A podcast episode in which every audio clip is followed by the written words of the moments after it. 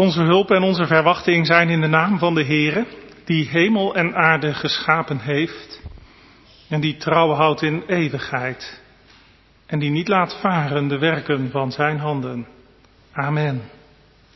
Genade zij u en vrede van God onze Vader en van de Heer Jezus Christus in de gemeenschap met de Heilige Geest. Amen. Gemeente, willen samen luisteren naar weerklank Psalm 92, hier in de kerk thuis. Kan u wel meezingen. Het gaat ook over het zingen en het musiceren in die psalm.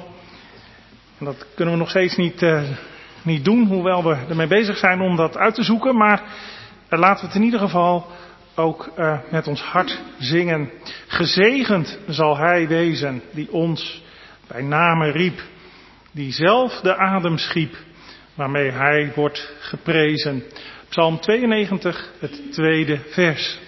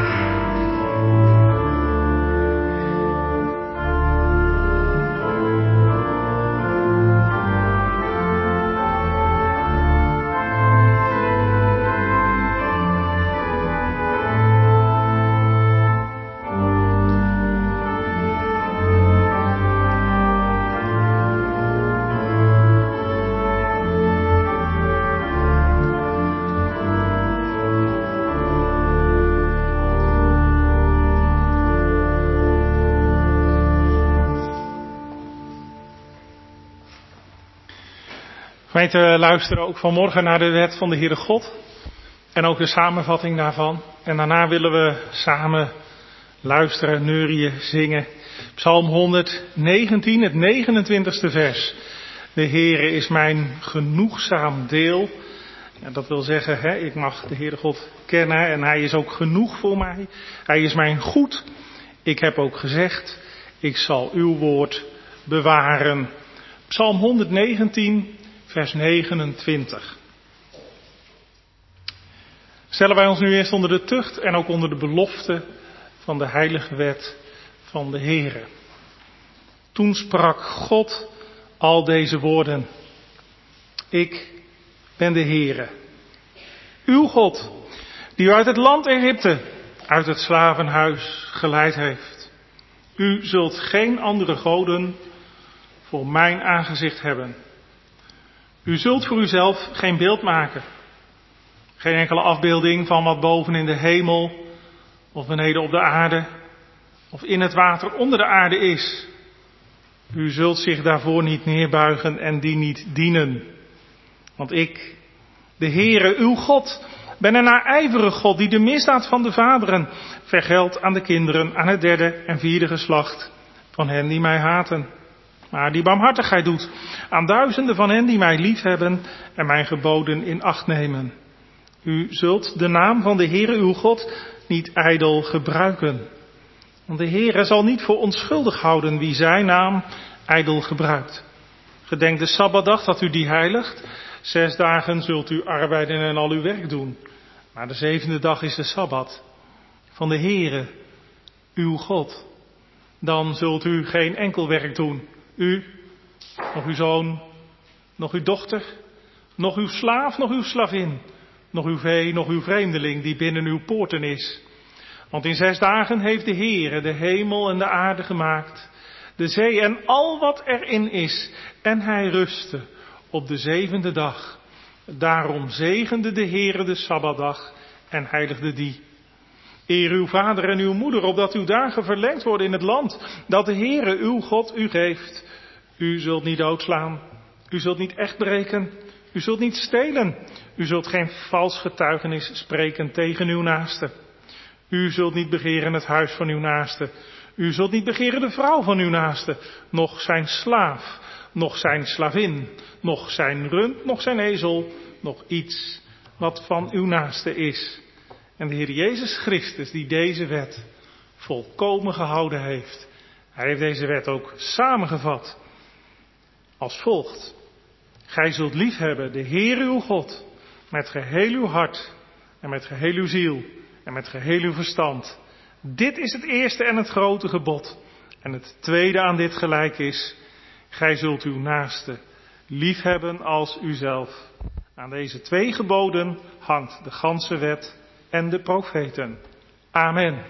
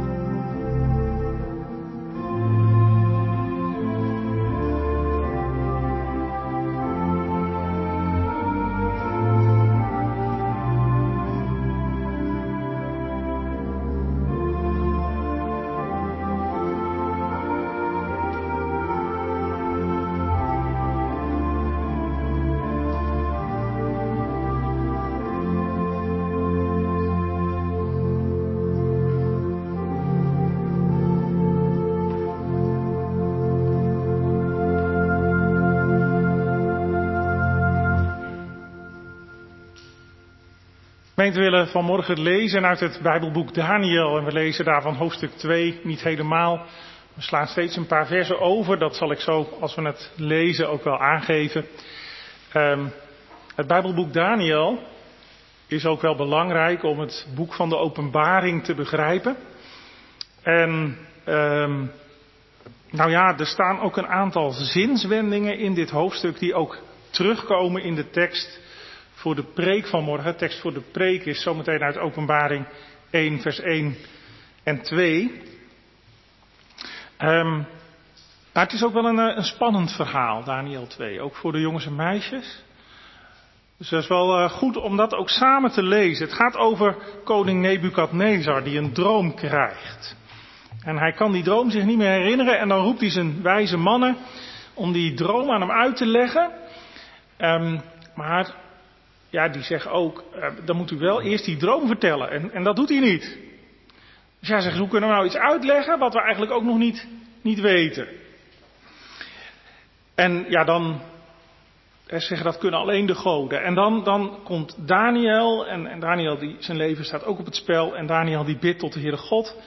En, daar, en dan laat de Heere God aan Daniel en die droom zien en ook wat die droom betekent. Nou, zo ging het eigenlijk ook bij Johannes op Patmos, hè, degene die de openbaring geschreven heeft. Hij kreeg en dingen te zien, maar hij kreeg ook de uitleg daarbij.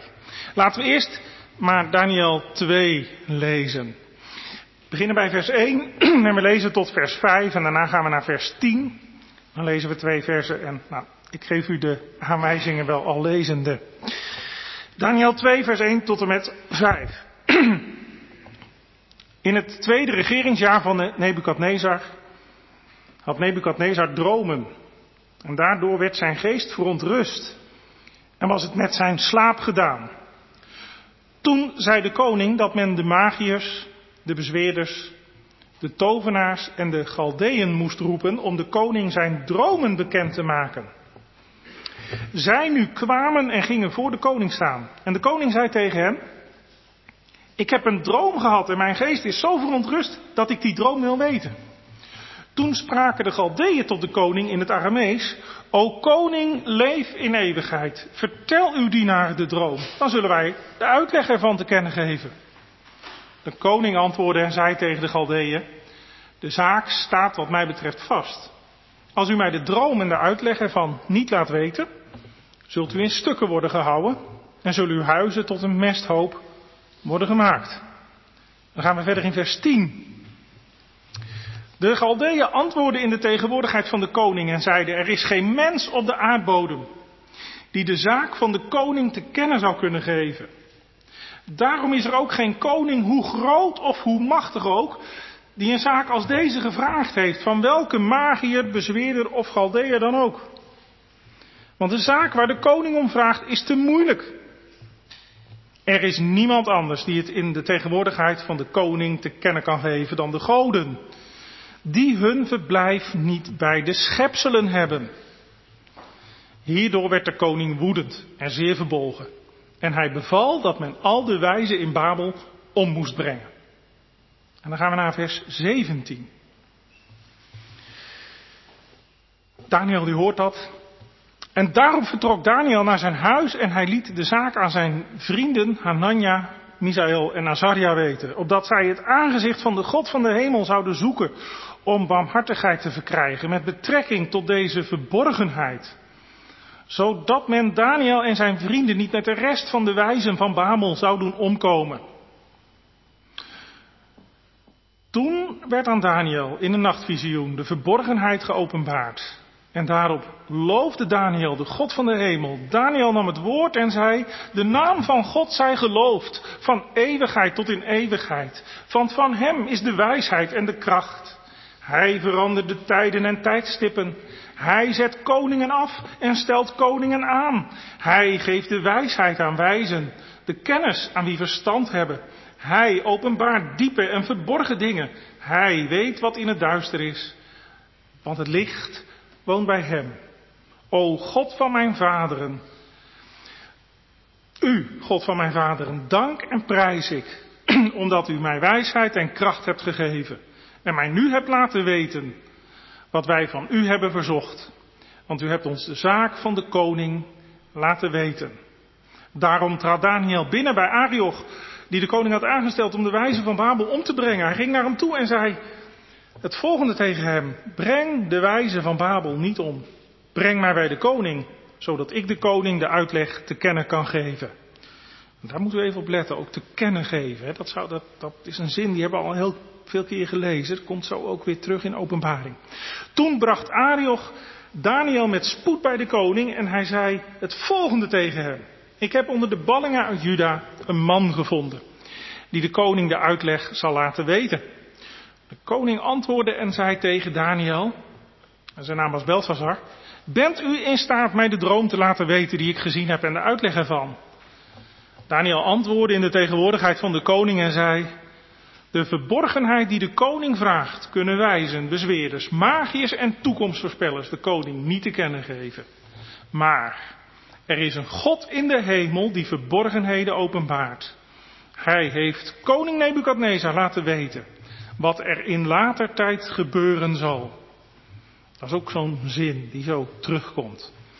Uw droom en de visioenen die u voor ogen kwamen op uw bed zijn deze. Terwijl u, o koning, op uw bed lag, kwamen er gedachten in u op over wat hierna gebeuren zal. En hij die de verborgenheden openbaart, heeft u laten weten wat er gebeuren zal. Wat er gebeuren zal, wat er gebeuren zal.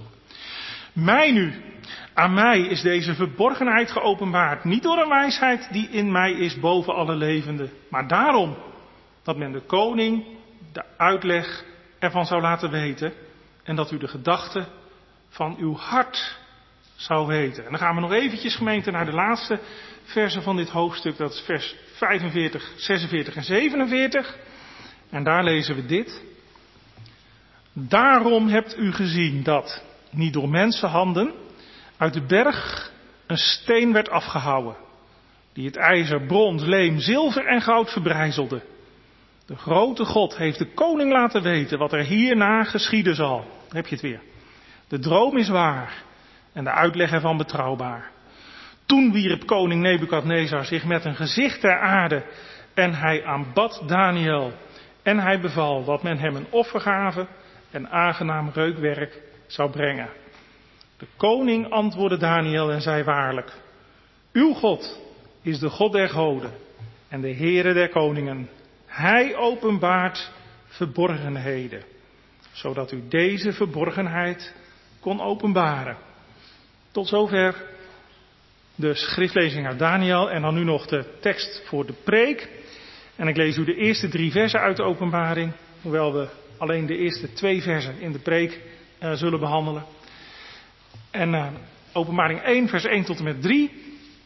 Daar luidt het woord van de Heere God als volgt.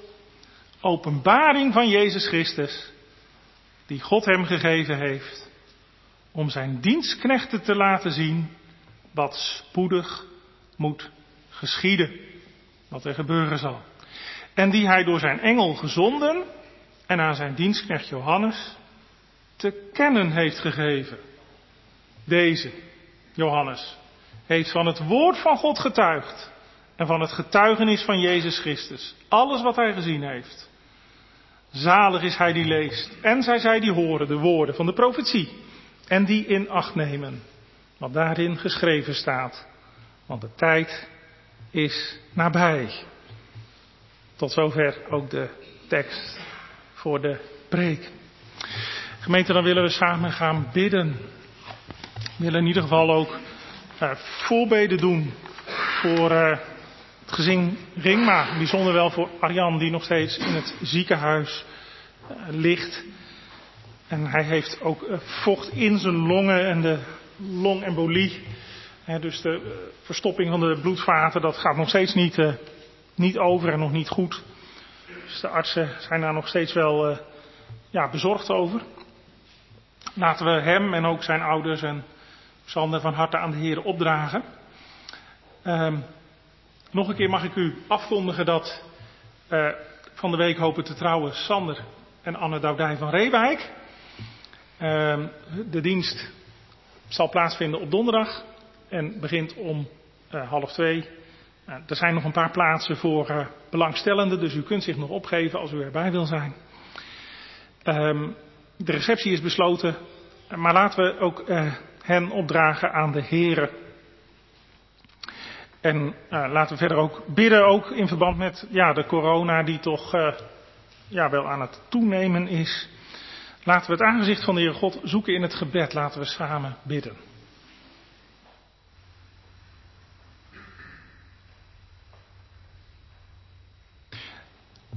Lieve Heere God in de hemel, zo bent u het die de stralen van uw zon werpt over ons mensen, over de Bollenstreek, heren, en wij mochten naar dit bedehuis toekomen, of wij mogen ook ingeschakeld zijn over YouTube, en we mogen weer uw woord horen.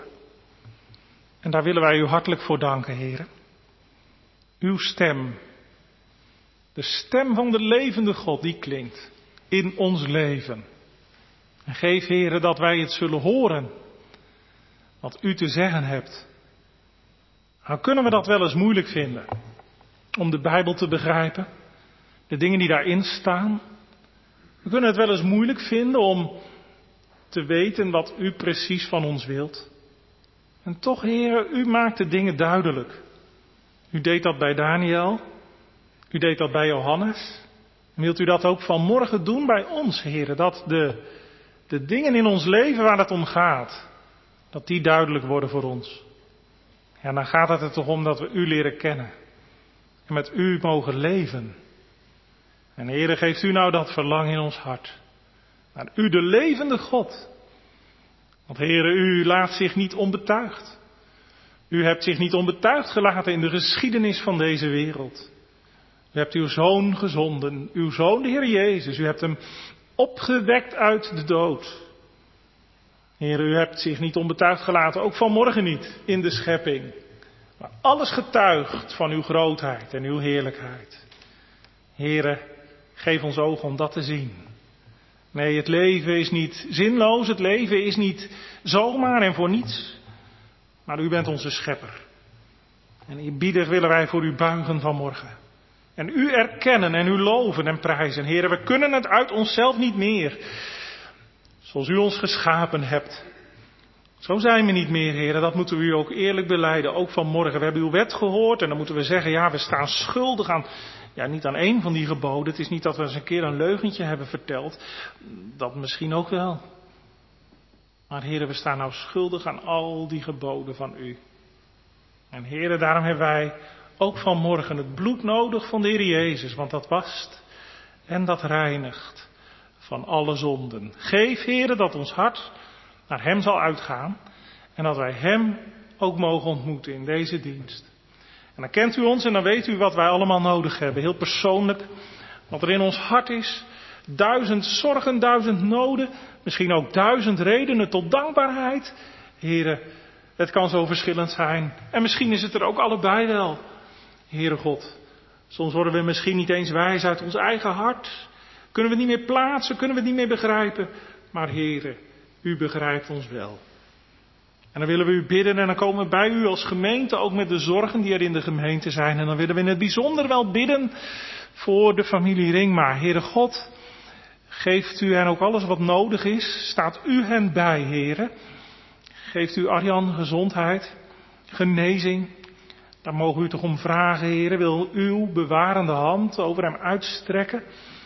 Geef dat de artsen de goede maatregelen mogen nemen. We mogen u ook danken dat er gelukkig heel voorzichtig wel enige verbetering is. Lijkt te zijn de ontstekingswaarden die wat afnemen. En ook, Heere God, dat, ja, Heere God, we, we willen u dan toch danken dat, dat ook de bloeddruk, goed, hij gaat nog op en neer, maar de medicijnen lijken toch wat te doen, Heere. We, mogen u danken dat u ook een hoorder bent van de gebeden, want dat mogen we daar toch in opmerken. Dat u ook zorgt en Heere God dan, ja dan blijven we bidden voor hem en voor alle die om hem heen staan en voor alle die zich zorgen maken om hem. Heere God, wij bidden, geef toch dat wij hem in uw handen mogen leggen en in het vertrouwen op u mogen leven. Ja, dat hebben we ook vanuit onszelf niet. Er zijn mensen die het graag zelf in handen willen hebben. Zeker ook als het om onze kinderen gaat, Heere God, dan, nou, dan willen we daarvoor zorgen.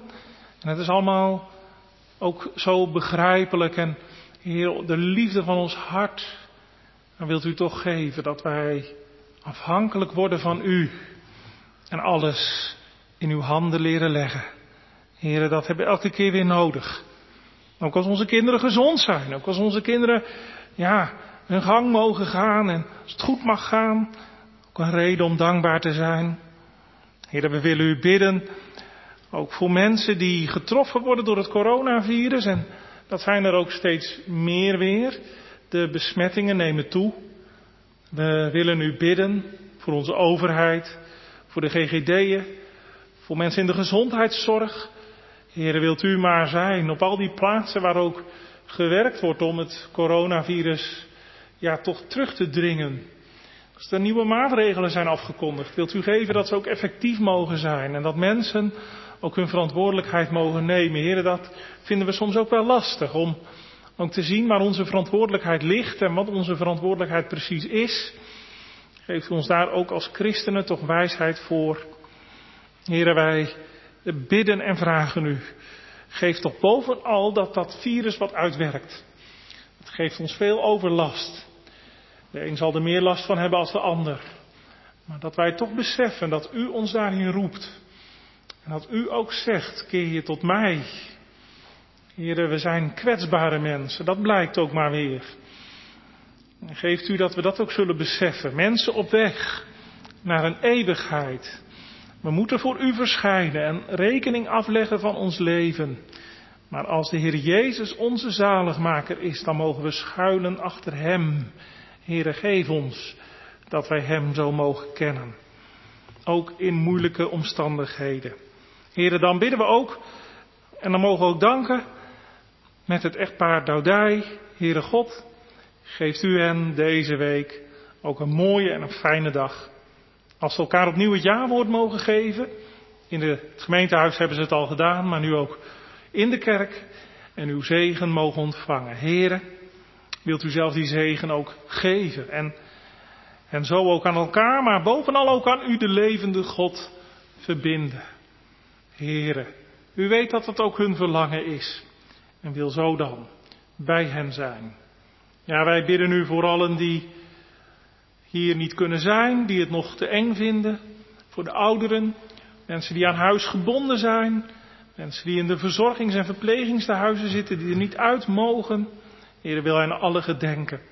Ja, denkt u ook aan ons als we dan thuis meeluisteren, geeft u ons ook concentratie en dat we dat woord van u mogen horen. Heer, zo willen we ook bidden voor Mercy Ships, waar we vandaag onze gaven ook voor mochten geven en mogen geven. Heer, wilt u ook het werk van deze organisatie zegenen?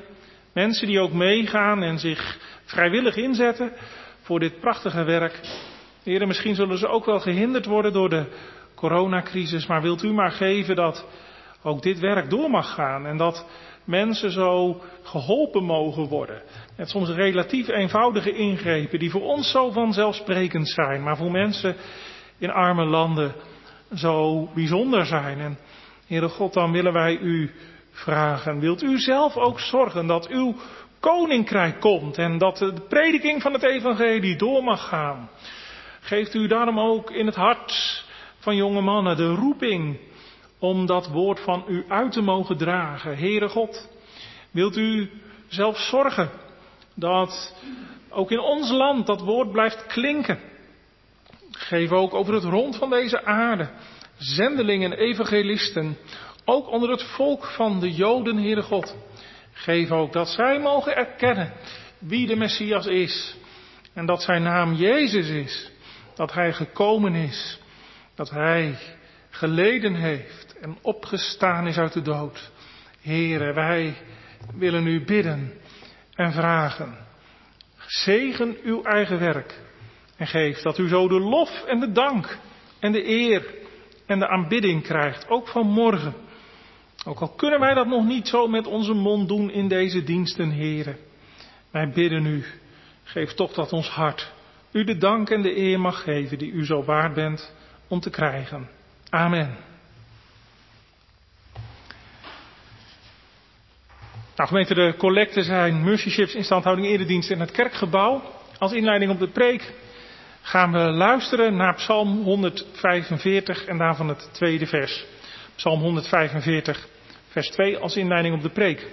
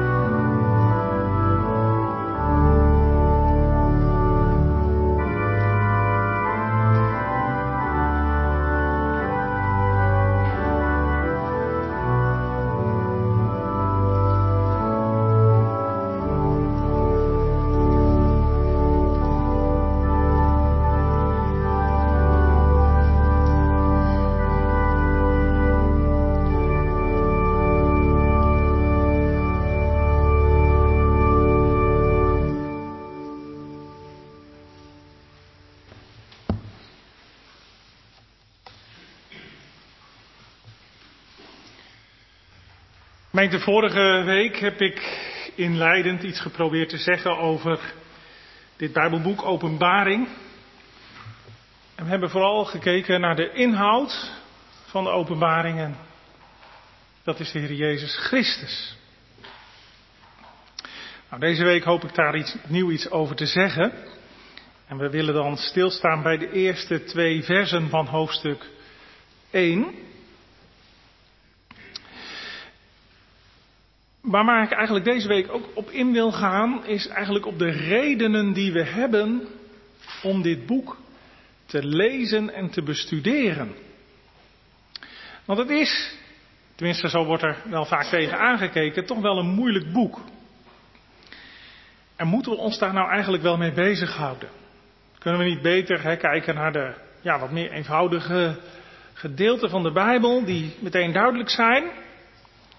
Dan heb ik vorige week al gezegd, het helpt wel als je weet wat voor een soort boek dit boek Openbaring is. En dat heb ik vorige week ook uitgelegd, dat ga ik niet opnieuw doen. Maar het is natuurlijk wel verstandig om het te lezen zoals het ook bedoeld is. Een gedicht, dat moet je niet lezen als een geschiedenisboek. En een misdaadroman moet je niet lezen als een recept of als een handleiding. als je zo iets gaat lezen, ja, dan, dan loopt dat verkeerd af natuurlijk. Zo is het ook met het boek Openbaring. Er zijn manieren waarop je het boek Openbaring zeker niet moet lezen. En een voorbeeld daarvan hè, is dat je probeert met dit boek uh, de laatste dag van de wereldgeschiedenis te berekenen. Er zijn mensen die hebben dat gedaan. En die hebben ook volgelingen gekregen. De laatste keer dat ik weet was in 2011. Hè, ik weet niet of u die naam nog herinnert. Meneer Harold Camping, die voorspelde nou de wereld. Die uh, loopt, ik meen 21 mei 2011, loopt hij af. Nou, we zitten hier vanmorgen nog steeds, dus dat is niet gebeurd. En hij was zelf helemaal uh, confuus. Maar ook zijn volgelingen, die soms hun baan hadden opgezegd en hun bedrijf hadden verkocht. Uh, ja, die liet hij ook eigenlijk in verwarring achter. Dus gemeente, het is ook niet uh, om het even, hè, hoe je de Bijbel uitlegt. We kunnen er niet maar van maken wat wij willen. Nee, en we moeten ons natuurlijk verhouden van zulk soort uh, gekkigheid, zou ik zeggen. Um, maar toch, hè, ook als je ja, de wijze en de verstandige uitleggers raadpleegt op dit boek, ja, dan blijkt er toch ook wel heel wat verschil van mening nog te zijn. En dat kan afschrikken, want ja, je zou kunnen denken, ja, als, als nou wijze en, ook godvruchtige mannen er niet uitkomen, wat dit boek betekent, ja, hoe, hoe kan ik er dan uitkomen? Hè? Calvijn. Calvijn die heeft zelfs gezegd dat, dat hij dit boek niet begreep. En, en hij heeft er daarom ook geen commentaar op geschreven. Nou, ho, ho, wacht eventjes. Dat wordt vaak gezegd. Het is maar de vraag of Calvijn dat gezegd heeft, dat hij dit boek niet begreep. En, en waarschijnlijk heeft hij er gewoon geen commentaar op geschreven, omdat hij daar in zijn leven niet aan toegekomen is. Want hij heeft bijvoorbeeld ook geen commentaar geschreven op 2 en 3 Johannes, de boeken die aan openbaring voorafgaan.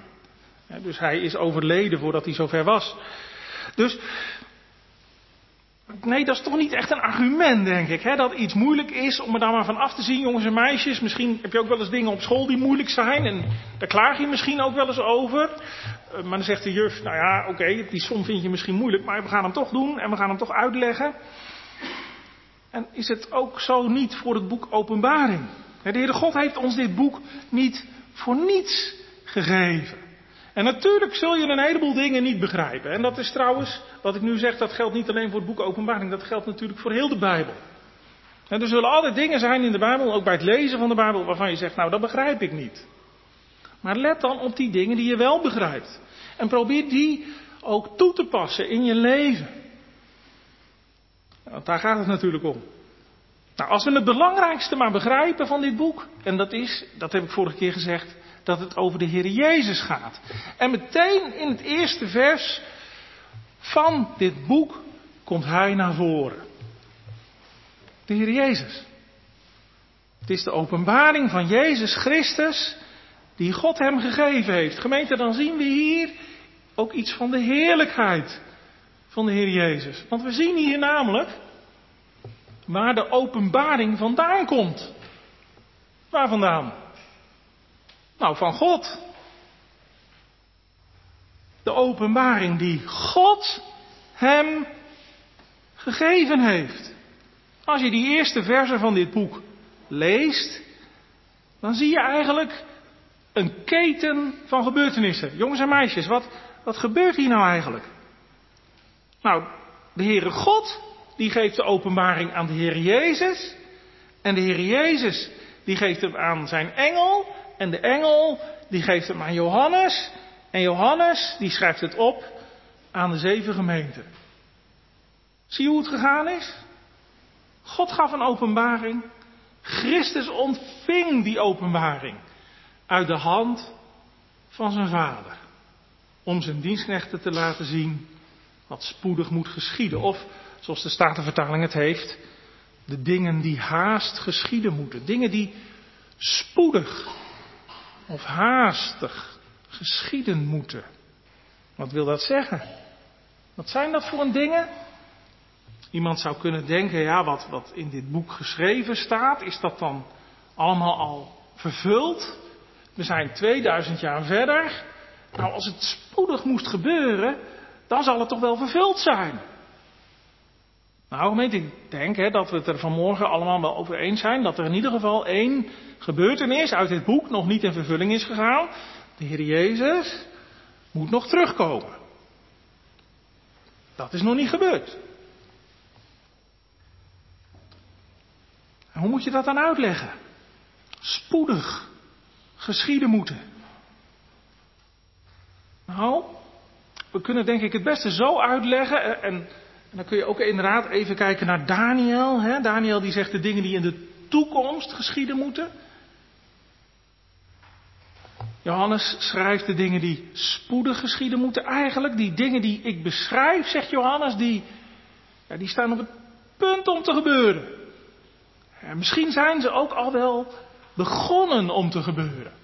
Nou, ik denk dat je het het beste zo eigenlijk kunt zien, hè, dat die dingen in de tijd van Johannes al vervuld begonnen te worden. Dingen die geschieden moeten. dus dat zijn ook dingen die, ja, die zijn eigenlijk niet te voorkomen. Ze moeten gebeuren. Ze zijn in het plan van God met de wereld opgenomen. En met elk van die gebeurtenissen komt ook die grote gebeurtenis van de komst van de Heer Jezus dichterbij. Dus gemeente, als het dan gaat over dingen die gebeuren moeten, dan, dan zit daar een grote en een diepe troost in. Want het is toch een troost om te weten dat God een plan heeft. Dat hij een plan heeft met de wereld, dat hij een plan heeft met jouw leven. Wat er in deze wereld gebeurt is niet zomaar, is niet toevallig. Gods plan gaat over alles.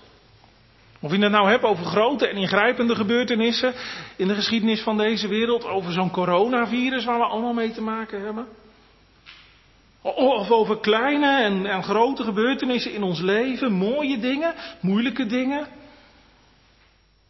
Tegenslagen, verliezen, al die dingen zijn in het plan van God opgenomen. En, je moet er toch niet aan denken hè, dat, dat alles in deze wereld dat dat volstrekt random zou zijn. Dat het allemaal willekeurig zou zijn. Nee, de Heere God zij geloofd en gedankt. Wij zijn niet uitgeleverd aan een blind noodlot. Dat met niets en niemand rekening houdt. En dat niets om ons geeft. Maar er is een schepper die naar mensen omziet. En die ook dwars door de dingen die gebeuren moeten. Zorgt voor al de zijnen. En dan raken wij daar wel makkelijk het zicht op kwijt, toch? Of niet? Want ja, er is zoveel in de wereld waarvan je denkt, ja, moet dit nou gebeuren? Moet dit nou echt? Had dat nou niet anders gekund, hè? Rampen, oorlogen, pandemieën, dood, verderf. Zijn dat nou ook dingen die in het plan van God zijn opgenomen? Ja, zo verzekert de Heer Jezus ons. Al die dingen moeten gebeuren. Ook al kun jij het misschien niet begrijpen, maar dat is de troost van het boek Openbaring. Al deze dingen, al die verschrikkelijke dingen die ook in dit boek beschreven worden, die gaan nou niet buiten de Heere God om, maar ze gaan ook niet buiten de Heer Jezus om. God is getrouw, zijn plannen falen niet. En dwars door de rampen heen komt het koninkrijk van God. Dan mogen we weten dat de wereld, dat de kerk, dat ons leven in de handen van God is. Dan mogen we op Hem vertrouwen. En het is nou daarom dat de Heere God ook laat zien wat spoedig moet geschieden. De Heere God die geeft inzicht in zijn plannen. Nou, dat is nog eens wonderlijk, hè? Dat je inzicht krijgt in de plannen van God. En natuurlijk is dat niet om onze nieuwsgierigheid te bevredigen. En het belangrijkste doel van de openbaring is niet, zoals ik ergens las, om antwoord te geven op de vraag naar de vervulling van de onvervulde profetieën. Nee, nee, en nog eens nee. Daar gaat het niet om. Maar het doel van de openbaring is om mensen die midden in de ellende van deze wereld staan en die zich afvragen wat gebeurt er toch? Die met de tranen in de ogen staan en met een schreeuw naar God in hun hart. Om die te troosten. Daarom geeft God dit boek. Nou gemeente, dan hebben we het wel nodig, toch of niet? Een van de broeders Wesley die heeft gezegd, het boek Openbaring is niet zonder tranen geschreven en het kan ook niet zonder tranen begrepen worden. Nou, ik denk dat hij helemaal gelijk heeft. Dit boek is een, is een boek vol troost, te midden van alle dingen die geschieden moeten. En nu openbaart God de Vader die dingen door de Heer Jezus. God geeft zijn openbaring, zijn plan aan de Heer Jezus. Nou, als je daar even over nadenkt, is dat toch wel een beetje vreemd. Of niet? Want is dat nou wel nodig? Moet de Heere God nou zijn openbaring aan de Heer Jezus geven? De Heer Jezus is toch ook God? En hij weet toch alle dingen? Want God weet alle dingen. De Heer Jezus is even alwetend als God de Vader. De Heer Jezus heeft dat toch helemaal niet nodig? Kijk, we lazen over Daniel in het Oude Testament. En, en dan zeggen die, die uitleggers het, hè, die wijzen, die zeggen het tegen de koning. Ja, koning, wat u vraagt, de uitlegging van, van uw droom. En, en wat het dan. Ja, dat kunnen alleen de goden, dat weet geen mens. Wat er in de toekomst gaat gebeuren, dat weet geen mens. Maar, maar God weet het wel. Daniel die vraagt het ook aan de Heere God. Heere God, hoe zit dat met die droom? En kunt u het mij vertellen? De Heer Jezus heeft het toch niet nodig om net als Daniel dat te bidden. Hij is God zelf en hij weet toch alles? Waarom geeft nou de Vader zijn openbaring aan de Heer Jezus? Gemeente, dit is een heel belangrijke vraag. En dat is ontzettend belangrijk ook, ook voor het leven met de Heere God, dat we hier zicht op krijgen. Gemeente, we zien hier de Heer Jezus als de middelaar tussen God en ons. En zo hebben we de Heer Jezus nodig. De Heer Jezus krijgt deze openbaring niet als de eeuwige zoon van God. Nee, want hij is meer dan de eeuwige zoon van God. Hij is ook mens geworden. Daar hoop ik vanmiddag over te preken. De menswording van de Heer Jezus. Vleeswording.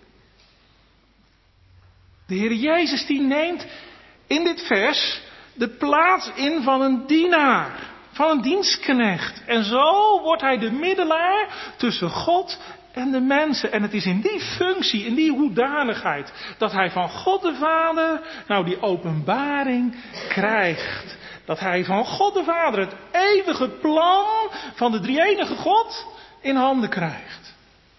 De kanttekening bij de Statenvertaling zegt bij dit vers, die moet u eigenlijk altijd raadplegen. Kanttekening bij de Statenvertaling zegt, als middelaar ontvangt hij van de Vader de opdracht en het bevel. En naar zijn mensheid ook de kennis van de dingen die tot uitvoering van zijn middelaarsambt en tot zaligheid van zijn gemeente nodig zijn. Gemeente, wat is dit een heerlijke waarheid? Dat de Heer Jezus de middelaar is tussen God en mensen. Dat Hij tussen ons en God instaat. En dat je door de Heer Jezus, mag ik het heel eenvoudig zeggen, de Heere God kunt leren kennen. En met God verzoend kunt worden. De Heer Jezus is door de Vader als middelaar aangesteld en naar deze wereld gezonden om geboren te worden in Bethlehem. Hij is als middelaar aan het kruis gegaan. Hij is als middelaar opgestaan uit de dood. Maar ook na zijn hemelvaart, en dat zien we hier, blijft hij de middelaar tussen God en mensen. Wat een wonder. Hij krijgt de openbaring van zijn vader. En zo zorgt hij ervoor dat die openbaring ook bij mensen terechtkomt. Want hij krijgt hem om aan zijn dienstknechten bekend te maken. De Heer Jezus maakt de raad van God aan de zijne bekend. Hij krijgt het van zijn vader, geeft het door aan de engel.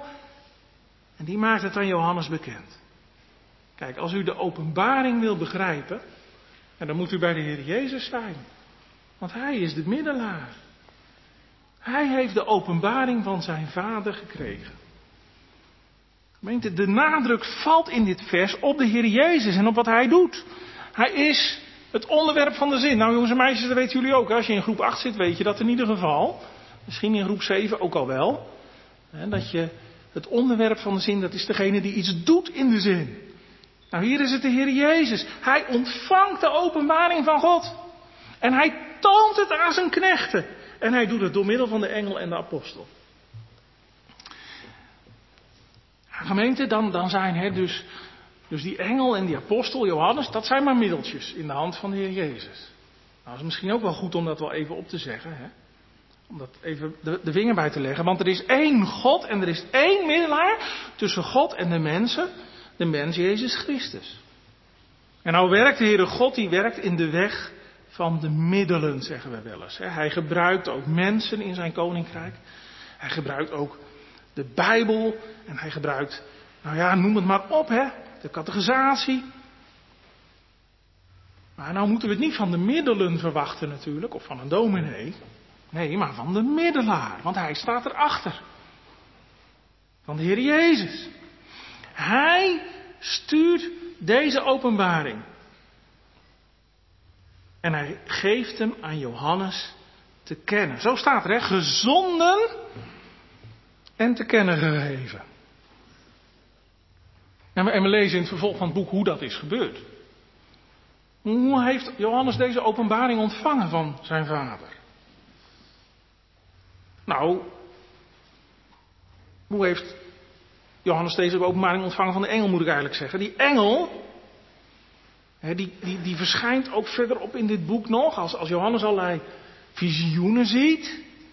Om ook uit te leggen wat daar gebeurt. Hè. Dus het is niet zo dat Johannes nou die openbaring kreeg en dat hij zei, ja, ik heb wel allerlei dingen gezien, wonderlijke dingen, maar, maar ja, wat het nou betekent, dat weet ik niet. Nee, Johannes die, die kreeg het ook echt te kennen. De Heere God die maakt hier de dingen helder voor ons. En zo heeft de Heere God de openbaring ook bedoeld. Niet om hem te versluieren, niet om te zeggen, nou ja, eigenlijk is het niet zo duidelijk wat er gebeurt. Nee, om ons dingen te kennen te geven. En als je dit boek leest bij de verlichting met de Heilige Geest, dan, dan merk je ook dat de Heere God je dingen te kennen geeft. Duidelijk maakt. En in ieder geval geeft de Heilige Geest ons hier de Heer Jezus te kennen. En dat is natuurlijk ook de belangrijkste reden om dit boek te lezen. Om Hem te leren kennen en beter te leren kennen. En dan geeft hij ook te kennen hoe het er nou voor staat tussen, tussen jou en, en, en, en God. Dat kun je ook ontdekken in dit boek. Hij geeft te kennen dat hier Jezus terugkomt om te oordelen de levenden en de doden. Hij geeft te kennen dat er een nieuwe aarde komt waarop gerechtigheid woont. Waarop zij mogen wonen die overwonnen hebben door het bloed van het lam. Maar hij geeft ook te kennen dat er een poel is die brandt van vuur en van zilver. Oh, dat geeft hij ook te kennen hier. Ja. Waar alle terechtkomen die dit lam niet hebben leren kennen. Hoe hou je er rekening mee vanmorgen? Zit hier op het snijpunt van de eeuwigheid? Dat geeft de Heer in dit boek allemaal zeer duidelijk te kennen. Maar als het gaat om wat de Heere God ons te zeggen heeft, dan is dit een haar scherp en een zeer helder boek wat de hoofdzaken betreft. Gemeente, lees maar wat Johannes ook schrijft over zichzelf in vers 2. Hij zegt dat hij een getuige is. Een getuige die van het woord van God getuigd heeft. En van het getuigenis van Jezus Christus. Alles wat hij gezien heeft. Dat maakt Johannes heel duidelijk. Ik heb het echt gezien. Ik heb het zelf gezien. Ik ben een getuige van het woord van God. Alles wat er in dit boek gezegd wordt. Dat zegt God. Alles wat er gezegd wordt over de Heer Jezus, dat zegt God over de Heer Jezus. Alles wat er gezegd wordt over, over mensen en over het hart van mensen en over het leven van mensen, dat zegt God. Wat we hier vinden over de gebeurtenissen in deze wereld, over het einde van de wereld, dat zegt God. Gemeente, wat, wat is onze reactie daarop ook vanmorgen als de Heere God spreekt? Dan is er toch maar één reactie mogelijk. Nou, dan moeten we niet komen met onze theorieën en filosofieën. Dan moeten we eerbiedig buigen en luisteren.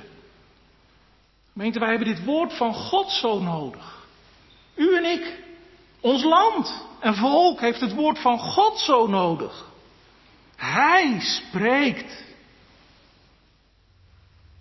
Het is het woord van God en het getuigenis van Jezus Christus. Ja, de Heer Jezus die wordt hier zelf ook de getrouwe getuige genoemd in vers 5. Ziet u het staan? Jezus Christus die de getrouwe getuige is. De Heer Jezus heeft de openbaring van zijn Vader gekregen. Maar hij geeft die ook heel trouw door. Precies wat de Vader wil. Dat zegt de Zoon. Want gemeente, we mogen weten dat we de woorden van dit boek volkomen kunnen vertrouwen. Dat we daar met heel ons hart op kunnen rusten. Dat het echt waar is wat hier staat. Het is het woord van God en het getuigenis van Jezus Christus. Zodat je het met Psalm 130 wel kunt zingen. Ik hoop in al mijn klachten op zijn onfeilbaar woord. Woorden van God. Getuigenis van de Heer Jezus. En het komt tot ons, jawel, door de pen van een mens. Door de pen van Johannes. Hij heeft die woorden opgeschreven en ze zijn over de eeuwen heen bewaard gebleven voor u en voor mij. Johannes, een getuige. Ja, gemeente, ik, ik, kan niet anders zien, hè, er wordt wel een beetje verschillend over gedacht soms, maar dat deze Johannes toch de discipel is, die ook met de Heer Jezus hier op deze wereld heeft rondgelopen. Hè? Johannes die een getuige was van het aardse leven van de Heer Jezus. Die ook een getuige was van de opstanding van de Heer Jezus. Hij is ook een getuige van de verhoogde Christus. Gemeente, we hebben gezien eigenlijk hè, waar het boek Openbaring vandaan komt. Het komt bij God vandaan. Door de middelaar tot u, tot mij. Om ons te waarschuwen, om ons te troosten, om ons te trekken tot de Heer Jezus. Voor wie is het geschreven eigenlijk dan? Nou, dat lezen we ook in vers 1. De Jezus heeft die openbaring gekregen om zijn dienstknechten te laten zien. Wat spoedig gebeuren moet. Zijn dienstknechten, dienstknechten van de Jezus, wie zijn dat? Zijn dat alleen dominees en zijn dat ouderlingen en diakenen? Nee, dat bent u allemaal. Heel de gemeente. Heel de gemeente is toch geroepen om de Heer Jezus te dienen. Dienstknechten van de Heer Jezus. Hen moet het getoond worden wat hier staat. Het is heel bijzonder eigenlijk hoe het dienstknecht zijn centraal staat in dat eerste vers. Hè? Het gaat over zijn dienstknecht, de dienstknechten van de Heer Jezus. Het gaat over zijn dienstknecht Johannes. Nou, je zou kunnen zeggen, die engel, die Johannes al die visioenen geeft en die ook uitleg geeft, dat is ook een dienstknecht, hè? Een, een boodschapper, een knecht ook van God, engelen, die hem dienen. En de Heer Jezus, hij wordt hier zelf getekend als een dienstknecht. Als hij dat boek in